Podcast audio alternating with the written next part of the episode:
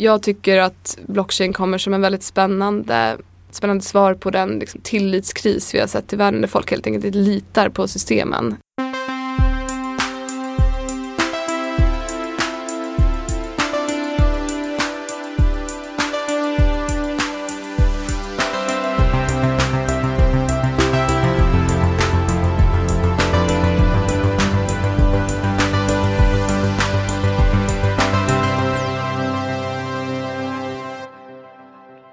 Hej, hej, hej, välkommen till Heja Framtiden. Det är jag som är Christian von Essen, den eh, inoljade sälen som eh, smidigt flyter genom eh, kunskapens vatten.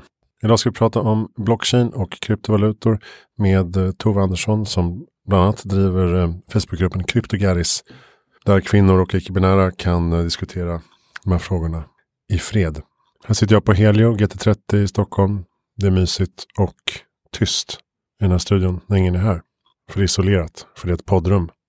Ehm, vill man spela in podd här så kan man faktiskt kontakta mig för jag ehm, hjälper gärna till att bidra med min lilla, lilla, lilla, lilla expertis och ehm, kunskap inom eh, inspelning och eh, redigering och så vidare. Så att eh, kontakta Helio eller mig på christianfonessen.gmail.com. Vi har ett litet samarbete med Noden.se som ju släpper Noden-trender, nyhetsbrevet varje fredag med lästips från veckan som gått prenumerera på det. Warp Institute driver ju Sveriges mest optimistiska Facebookgrupp. Där händer det massa saker. Gå med där och eh, kolla runt. Det finns nu 5000 medlemmar som tror på en eh, bättre framtid. Och som vill ha optimistiska nyheter i sitt flöde varje dag. Och så veckans affärer då. va.se för det nya näringslivet. De tror på Heja Framtiden och publicerar varje vecka en liten Heja Framtiden-artikel för näringslivsgänget. Gå in va.se poddar allt annat du behöver veta finns på hejaframtiden.se. Nu ska vi prata vidare med Tove Andersson om blockchain och kryptovalutor. Varsågoda.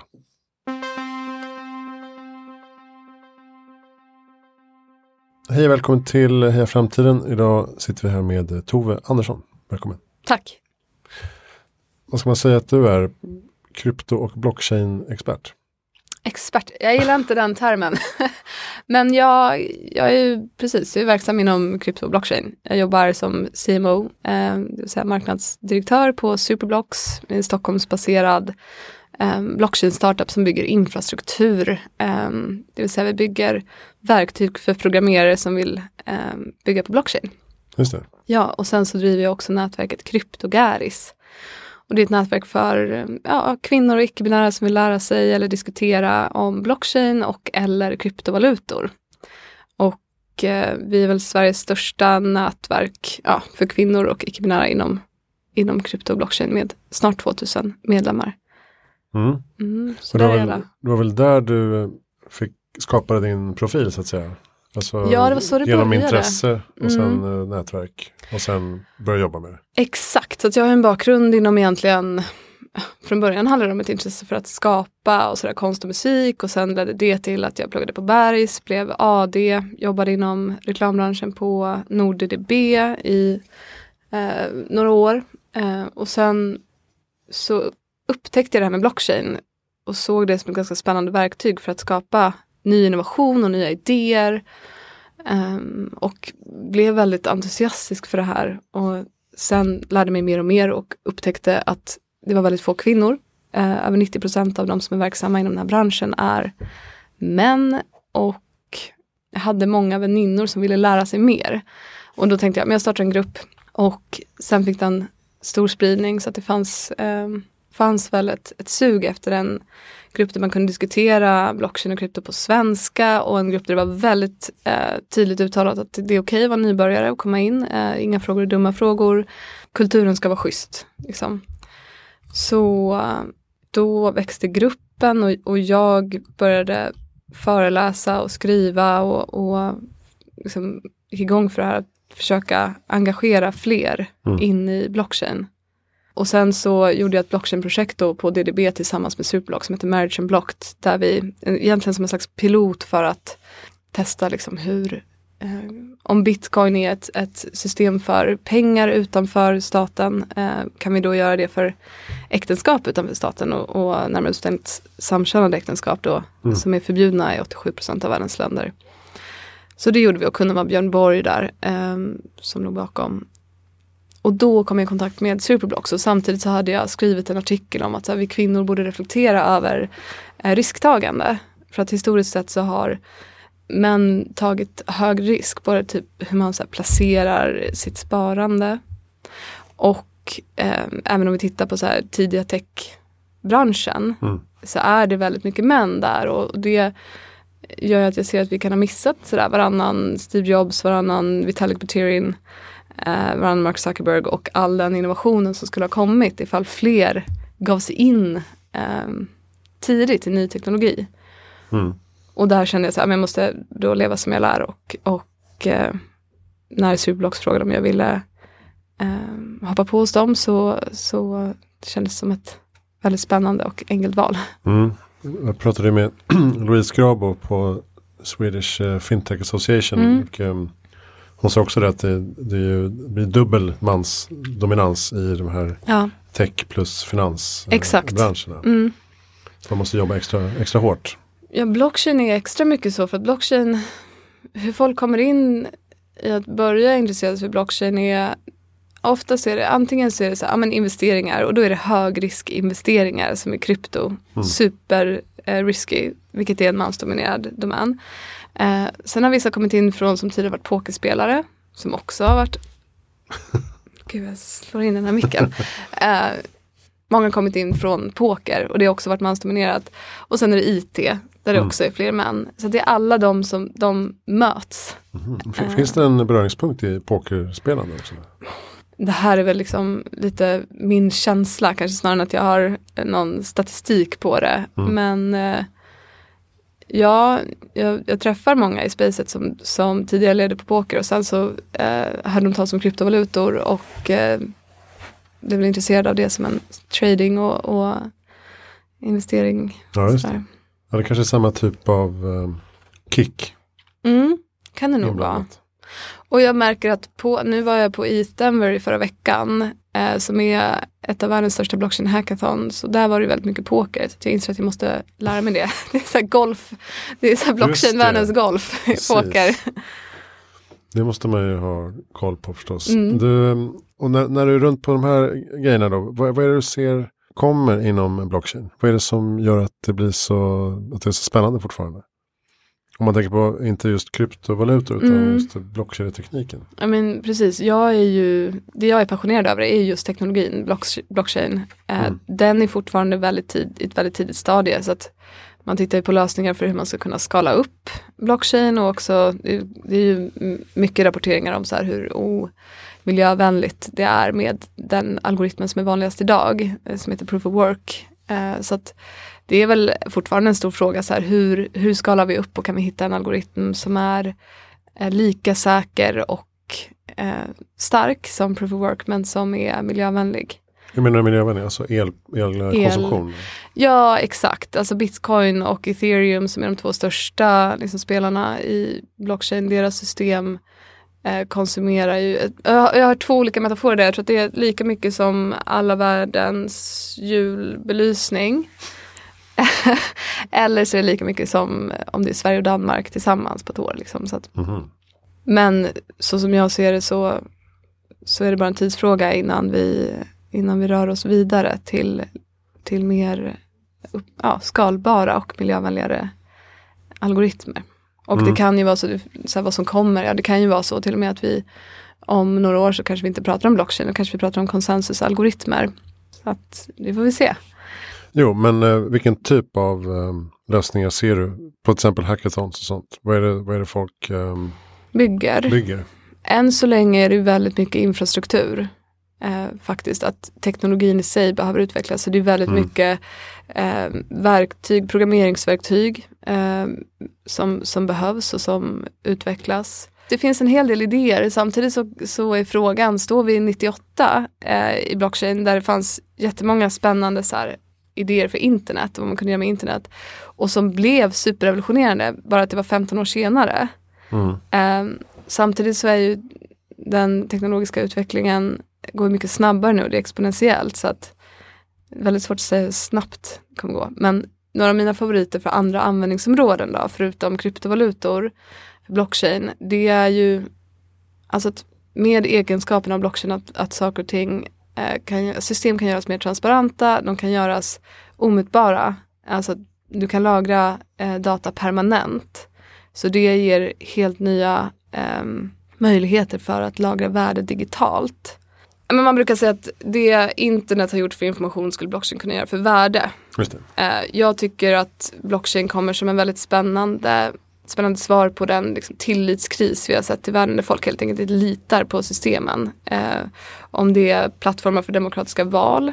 Eh, det tycker jag personligen skulle vara otroligt intressant att kunna eh, hålla val på blockchain. Mm. Och det har gjorts vissa sådana Vissa val har ju hållits på blockchain i världen. Jag vet att i Texas har man experimenterat med det och i Estland. Och där går ju diskussionen inom communityt eh, så fram och tillbaka. Är det lämpligt? Är det inte lämpligt? Men idén då, de som förespråkar det, eh, är ju att man skulle kunna ha ett demokratiskt val som är på en så kallad DAO. Och en DAO är en Decentralized Autonomous Organization, så det är ett system som upprätthålls av användarna mm. själva. Man skulle bygga det open source så att alla kan gå in och alla som kan läsa kod kan gå in och titta vilka regler som gäller för systemet. Um, och det skulle till exempel kunna vara så att då, ja ah, okej, okay, vi har val i Sverige, alla som är över 18 år, svenska medborgare, får lämna en röst. Uh, vi kör identifiering via tumavtryck eller ehm, um, scanning. Och vi kan se i den öppna källkoden att det, spar, det sparas inte ditt tumavtryck um, och vad du har röstat på uh, sparas inte men däremot så lagras din röst. Mm frikopplat från dig, lagras på blockchain. Och i och med att du kan lagra då data eh, omutbart som inte går att ändra på i efterhand på grund av blockchains distribuerade eller decentraliserade natur. Mm. Så skulle, skulle du då sen kunna gå in själv, vem som helst skulle kunna gå in och räkna rösterna. Um, och i ett helt transparent system och det skulle jag tycka skulle vara en väldigt intressant användning. Och jag tror att sådär, och där kan man säga, ah, men ska vi, vi borde inte lägga valen digitalt. Men jag, som, min lösning på, på hela den frågan är att jag tycker att man skulle ha både och. Man skulle ha valet så som vi har idag och sen lämnar man parallellt samtidigt sin röst även mot blockchain.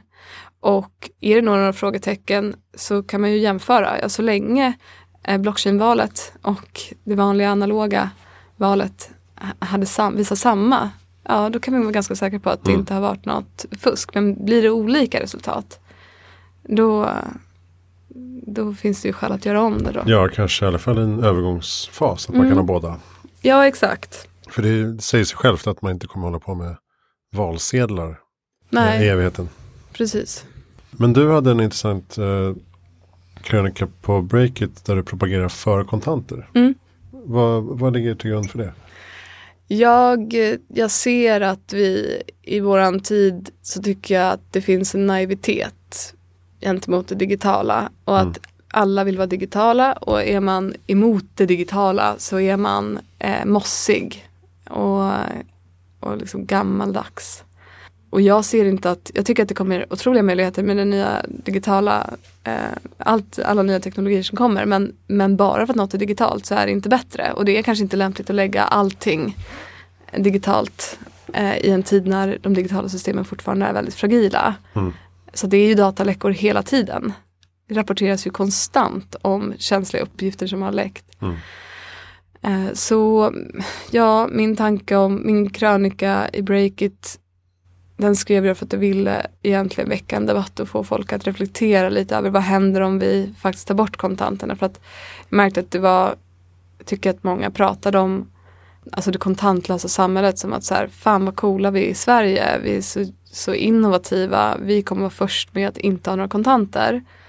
Men vad vi gör då är att vi ger ju väldigt mycket kontroll och väldigt mycket insyn eh, över oss som individer till eh, delvis bankerna men också ja, den som köper den datan då. Liksom om vad. Delvis så finns det ju möjlighet att lagra vart vi har varit, alltid när vi gjort en transaktion, vad vi har köpt.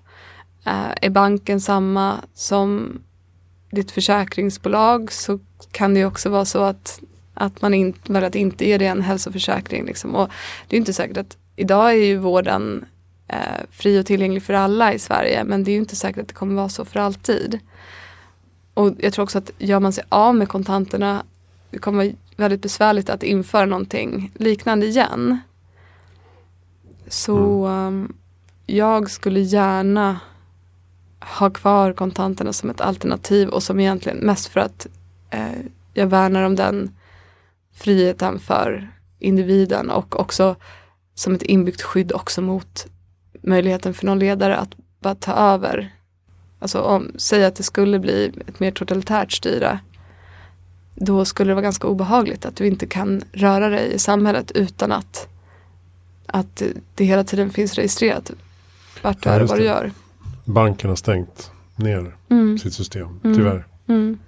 Men eh, ja, just det, då har man kryptovalutor förstås. Men eh, då måste man måste de kunna konverteras på något sätt. Exakt, alltså det är intressant för krypto ses, de omnämns ju ibland som digitala cash, eh, digitala kontanter. Men det är mer som Men- tillgångar i praktiken. Ja, alltså precis. Det är ju luddigt liksom. Och det där handlar ju om, skal, om skalbarheten. Mm.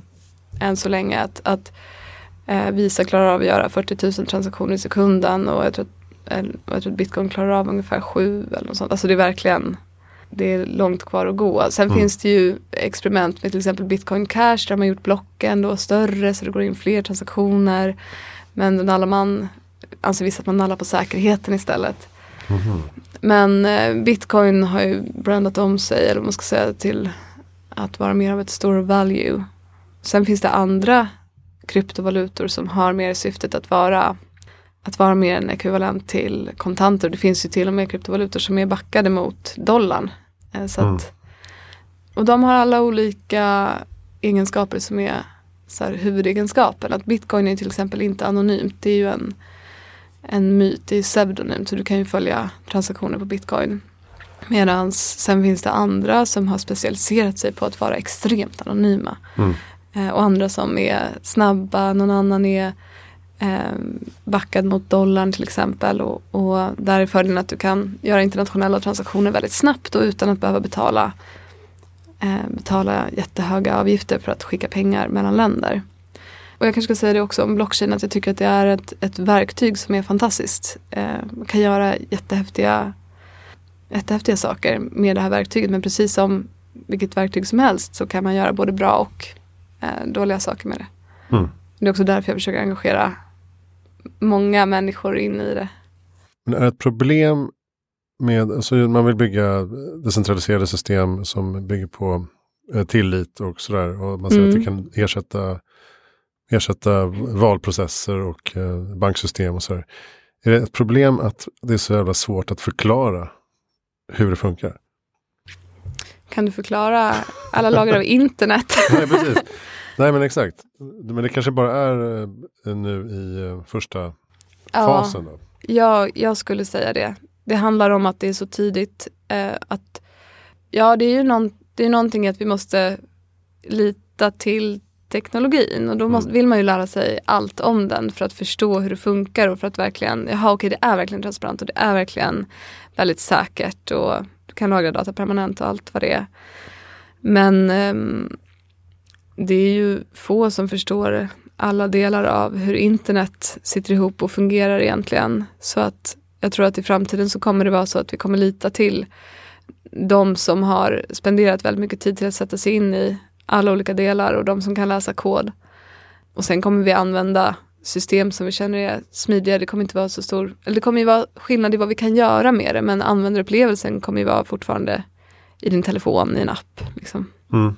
Nej, precis. Många menar ju kommer, att, men- att eh, de här teknologierna, så även AI och blockchain, Ja. kommer ju inte explodera i ansiktet på oss. Utan det kommer ju smyga sig på i Ja. smarta tjänster som Exakt, man eh, kanske använder till vardags. precis. Så därför behöver man inte kunna så mycket. kanske. Nej, alltså sen finns det väl den diskussionen som, som pågår i hela communityt att det är fortfarande ganska drivet av programmerare. Mm. Eh, det, det behövs mer människor in som, som kan jobba med att göra det användarvänligt och sådär. Så det är ju den, det är den rollen som jag försöker ta själv är att ha någon slags mellan, mellanlager mellan djupaste tecken och eh, vanligt folk kunna både förklara men också hjälpa till med liksom att, att jag skapa produkter som är som faktiskt är användarvänliga och som fyller behov i världen. Mm. Det är också en diskussion att liksom inte bara göra coola blockchain-idéer utan göra, bygga innovation som verkligen svarar upp mot eh, problem. Mm. Där kan ju till exempel det här äktenskaps eh, vara ett, ett exempel. Då. Ja exakt. Även identitetshandlingar eh, för mm. folk på flykt, eh, CV, ja. CV ja. Eh, legitimation, alltså jo, men det läkarlicens till någon exakt. som är på flykt. Exakt. Det är ju faktiskt ett fantastiskt uh, use case tycker jag för blockchain. Möjligheten att kunna ha med dig ditt, ja, men ditt CV och, och information om vem du är digitalt. Alltså även om någon bränner dina papper, mm. alla som är papperslösa, uh, så kan du istället ha det och vara säker på att det här ligger, det här ligger, det går inte att ta bort det. Du skulle kunna komma igång så mycket snabbare om du behövde fly. Mm. Och även då som fintech-branschen inne på just med eh, att man har tillgång till det finansiella systemet och banksystemet. Ja. Fast man kanske lämnar sitt land och sin bank ja. liksom bakom sig. Precis. Ja, det är en klassisk term inom blockchain-världen. Banking the unbanked också. Mm. Det finns ju många som inte får ha en, en bank av, eller ett bankkonto av en eller annan anledning. Som kan använda krypto istället. Mm. Men och, och vad gör Superblocks då, där du arbetar som marknadschef. Mm. Eh, är, det, är det en plattform för eh, vem som helst att, att bygga sina egna applikationer på? Alltså vi, vår målgrupp är programmerare som vill bygga eh, dappar mot ethereum. Eh, sen så kommer vi nog skala upp och eventuellt gå bredare än så också. Men idag så är det, vi har en utvecklingsmiljö som är finns till för den som vill bygga dappar mot ethereum. Den är också väldigt bra för att bara gå in och förstå sig på vad ett smart kontrakt är och hur det fungerar och hänger ihop i koden. Vi eh, utvecklar oss också nu lite mer att gå mot om man känner till CodePen eller Code Sandbox som är till för att sådär, man kan visa upp sin kod och showcasing. Mm. Eh, så att vi jobbar också med att utveckla oss åt det hållet så att vi kan finnas till som ett verktyg för alla andra aktörer inom spacet som har en, eh, en blockchain, en sidechain eller en blockchainplattform där man vill engagera programmerare till att bygga dappar mot den egna plattformen. Så kan man Ska vi säga vad dappar är då? Ja, det är som fjantig term. dappar är egentligen decentraliserade appar. Mm. Eh, men man brukar använda det ordet för att eh, beskriva projekt som, som byggs på blockchain. Okej, okay, men, men äh, app i sammanhanget innebär att det faktiskt blir en användarvänlig, äh, ett gränssnitt så att säga mot slutanvändaren. Ja, i dappar så finns det väl, det är en ganska bred term egentligen, men ja, det skulle jag säga. Inte alla, men de allra flesta. Och det som är grejen, det, det, man menar med att man säger att det är decentraliserat, då, det är ju också en väldigt generisk term som kan innebära olika saker beroende på hur decentraliserad man är. Men eh, lite som vi pratade om där med demokratiska val, att, att så kallade DAOs eh, tycker jag är den mest spännande formen av liksom blockchain-innovation där man har ett system som ingen äger utan alla användare tillsammans kan man säga äger och interagerar med och utvecklar och upprätthåller systemet. Mm. Och på så vis kan man då ersätta mellanhänder och speciellt digitala mellanhänder. Jag tycker ett bra exempel är väl till exempel man skulle kunna, det har inte gjorts än men jag tror att det finns de som kikar på det, att bygga till exempel en Uber-tjänst. Den är ju redan extremt digitaliserad. Eh, men som istället ligger mot blockchain där förarna och de som upprätthåller systemet tillsammans delar på vinsten och också bestämmer mm. vilken, vilket håll det ska utvecklas. Så att man kan ju se att idag så byggs en del digitala system eller så gott som alla digitala system byggs mot ja, men de som äger och gör vinst på det. Mm. Det är de man är ansvarig mot och, och eh, ska leverera gentemot. Medan det vore intressant att se hur de här systemen skulle utformas om de istället genererades mot användarna själva. Och att det var liksom by users for users. Mm det skulle jag tycka, det tycker jag känns väldigt intressant.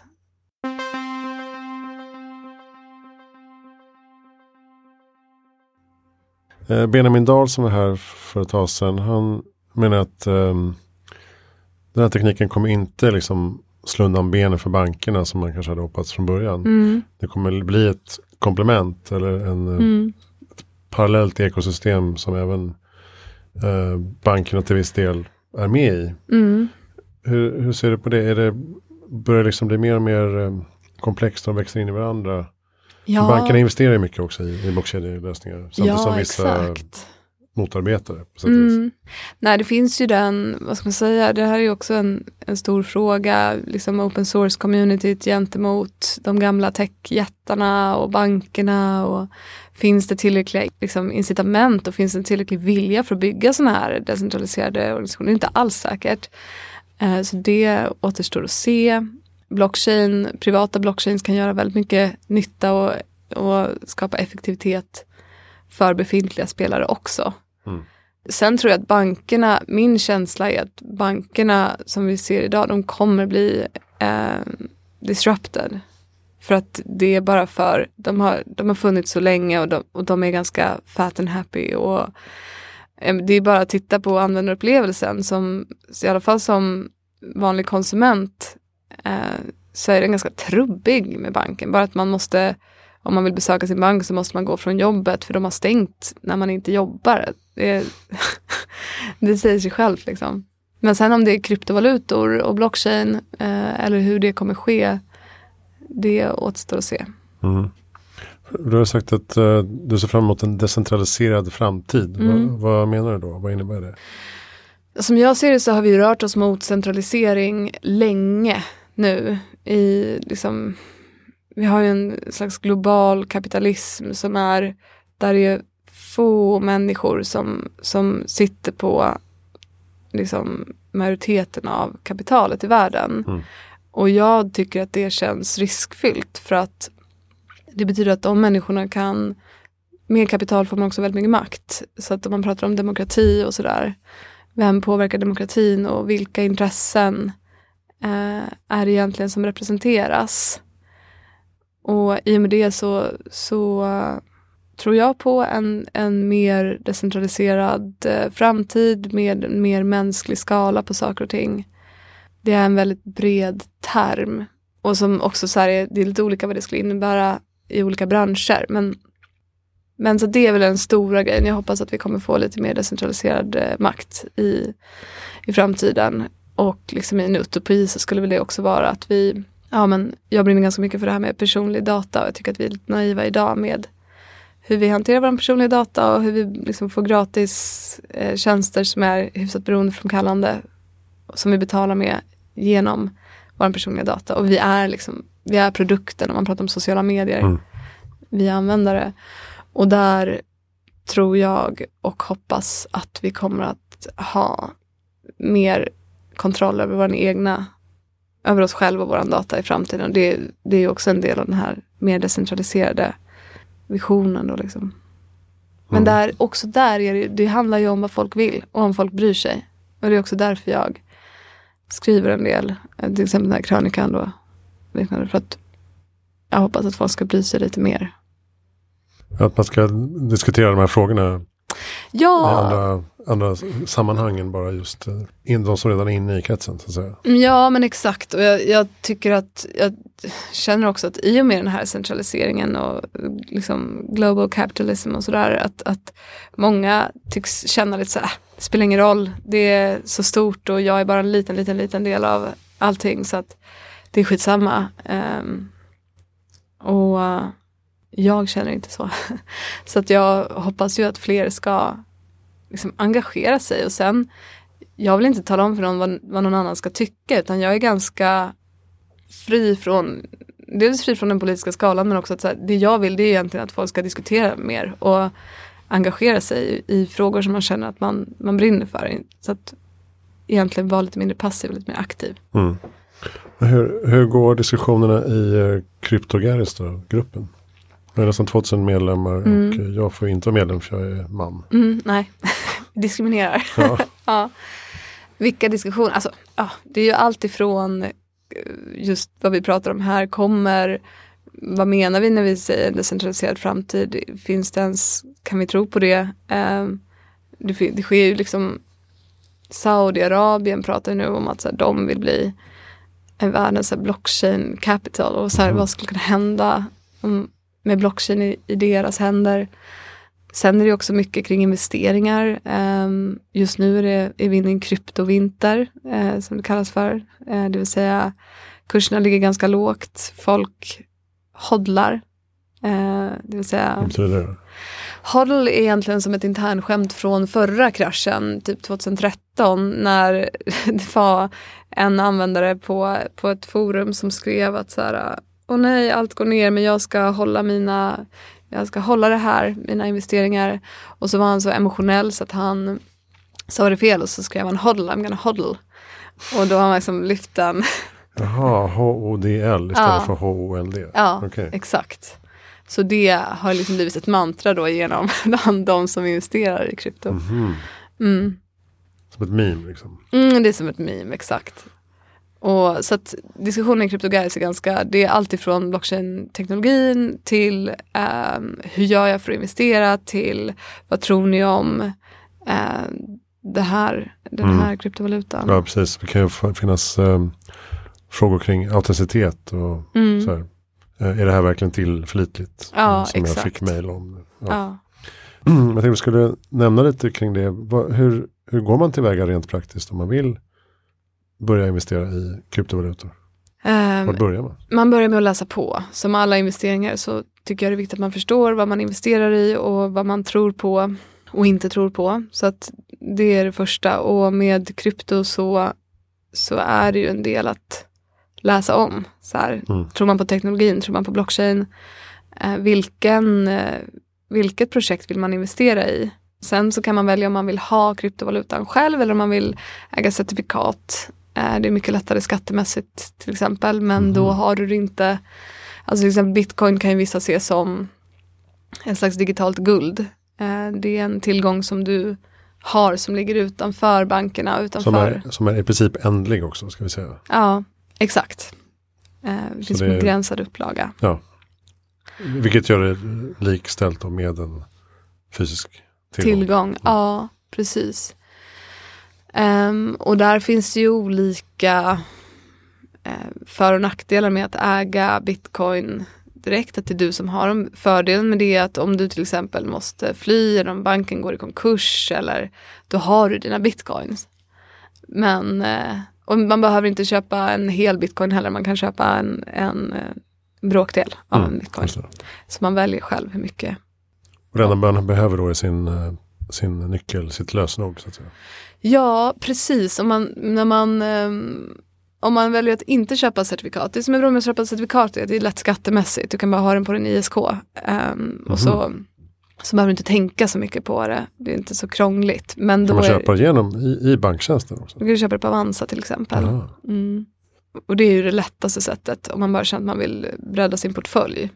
Men om man vill köpa fysiska så att säga, bitcoins, ja då, bör ju, då, måste, då ska du läsa på om vart du ska ha dem. Du ska ju inte förvara bitcoins eller krypto på eh, den så kallade exchangen. Eh, alltså du köper det på en digital börs.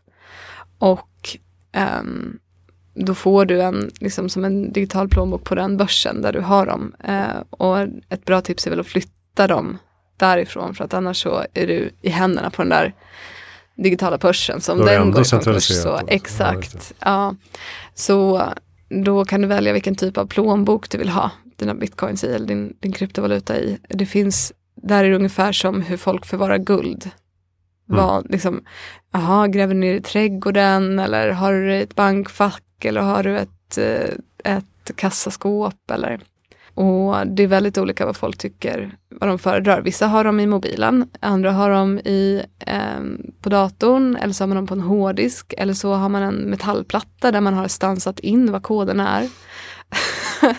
och det som du har då, det är en privat, du har en privat nyckel och en publik adress till mm. din valuta. Så att ungefär som att man kan tänka sig typ ett mailkonto, att alla kan veta om din mailadress och skicka till dig men det är bara du som kan skicka ifrån din adress och det gör du genom ditt lösenord eller din privata nyckel. Mm.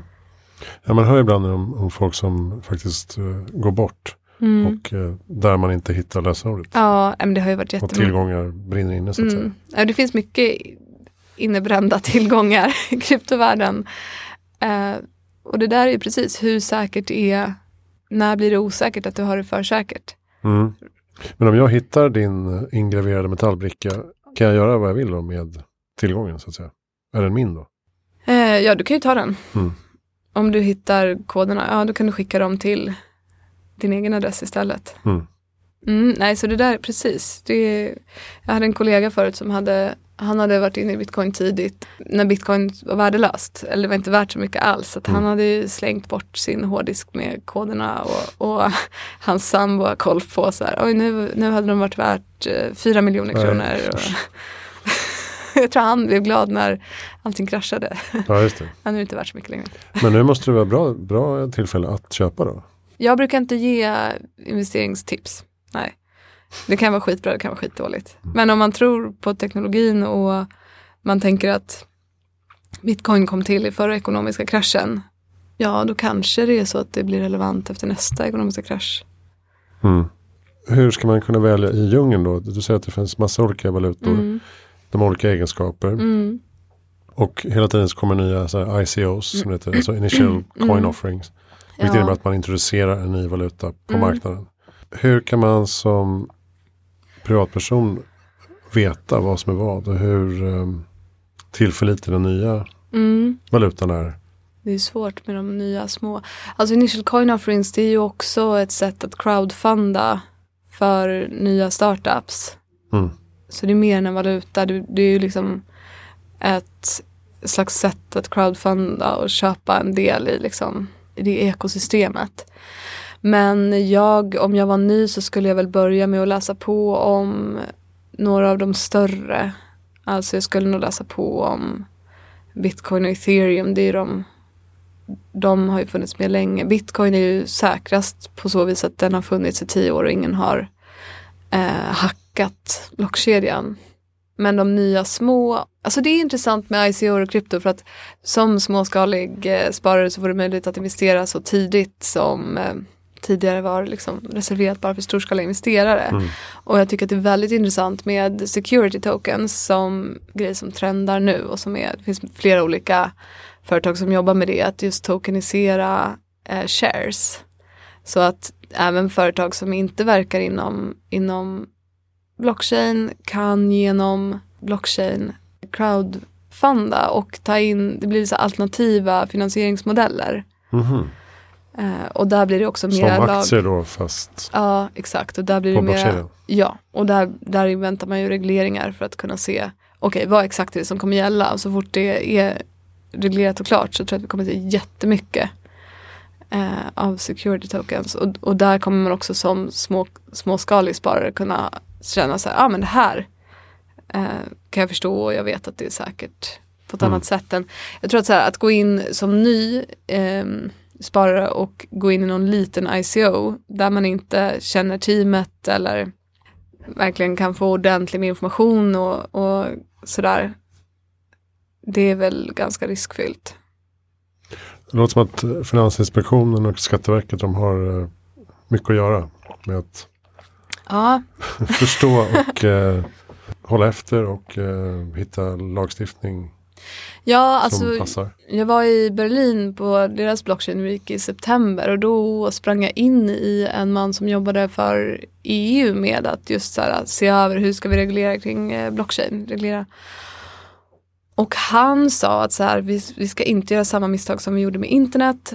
Vi ska inte reglera för hårt för det här är en, det här är en väldigt spännande teknologi och vi vill ju gärna att den ska att vi ska få mycket eh, business egentligen till Europa så att inte allting pushas till USA och Asien istället. Eller Mm. andra delar av världen. Men samtidigt tycker jag att många av dem som jag har träffat som har jobbat med att sätta lagarna, alltså jag hoppas att de kommer sätta sig in i det ordentligt. Och det finns ju också de som lobbar emot vissa typer av system eh, för att de skulle kunna, alltså de skulle vara rädda att det skulle kunna sno marknadsandelar från deras Mhm. egen verksamhet.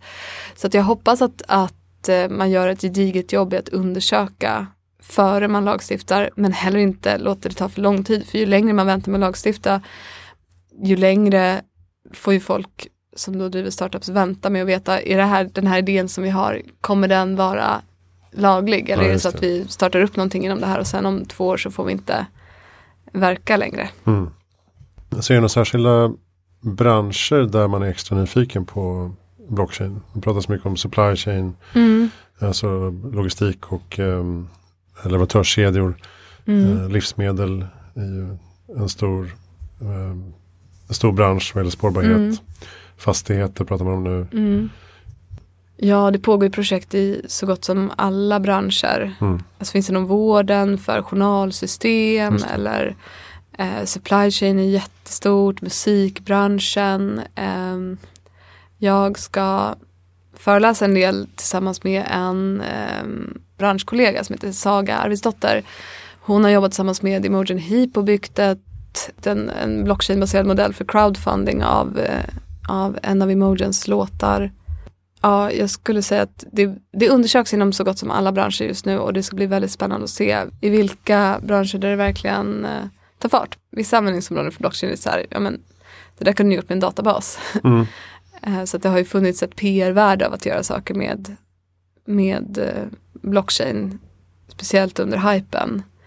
Men alltså, i alla branscher där det finns digitala mellanhänder som inte själva tillför så mycket värde, där skulle ju blockchain kunna komma in och effektivisera.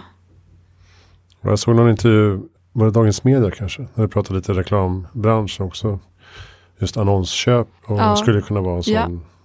Där man inte behöver mellanhänder och mediebyråer. Och. Exakt, mediebyråer som i alla fall just den specifika affärsmodellen där man bara står mellan reklambyrån och Pekar i rätt riktning och tar Ja. eh, en kickback på det. Exakt. Där eh, det skulle ju kunna automatiseras. Även själva affärsmodellen för hur vi finansierar en sida skulle kunna, ehm, där finns ju många nya idéer för istället för reklam, vad skulle man kunna ha? Och Mm. ehm, ja, till exempel att du lånar ut lite datakraft när du besöker sidan och eh, så blir det ingen reklam där. Då, då skulle ju reklambranschen, det skulle krävas ännu mer av det man pratar om, det är så generiskt med content marketing, att, att så här, ja, vi kommer, som varumärken så kommer vi behöva tillföra, det handlar om att tillföra värde, så att människor vill interagera med ditt varumärke och vill, ja, att det blir lätt att tycka om, inte bara pusha ut i, i ansiktet på folk liksom, köp det här. När blir man en ambassadör så kanske man vill få något värde också tillbaks Mm. då. Just det, spelindustrin också Ja. ska man väl också nämna. Det tror jag är, där kommer det väldigt mycket med tokenisering och Mm. att, för att kunna också interagera mellan olika spel. Och, så det är nog en, en nära, kommer det vara en, en stor grej för blockchain kommande två åren. Just det, ja, det pratade Benjamin Dahl också om att man kunde ta med sig värde från ett spel till ett annat spel. Exakt. Som man har eh, ackumulerat under Mm. många timmars Mm. spelande. Så det är goda nyheter kanske. Ja, det tror jag. Om man vill fortsätta sitt beroende på annan plattform. Exakt. Ehm, vad är ditt tips för att göra världen bättre i framtiden? Att engagera sig. Och liksom diskutera saker ordentligt och släppa fram såklart, och det här låter så klyschigt, men eh, att, att verkligen diskutera med folk som tycker olika eh, än en själv. Jag tycker både inom tech och lära sig nytt men också i, i vårt samhälle som är så pass polariserat idag att, att faktiskt jag tror att vi behöver öppna upp liksom eh, diskussioner. Vi, jag, jag ser att vi gör det mer nu. Att vi kommer, jag hoppas att vi kommer ifrån våra sociala mediebubblor där vi bara umgås med folk som tycker om exakt samma sak som oss själva och som verkar inom samma områden som oss. Mm. Det tror jag.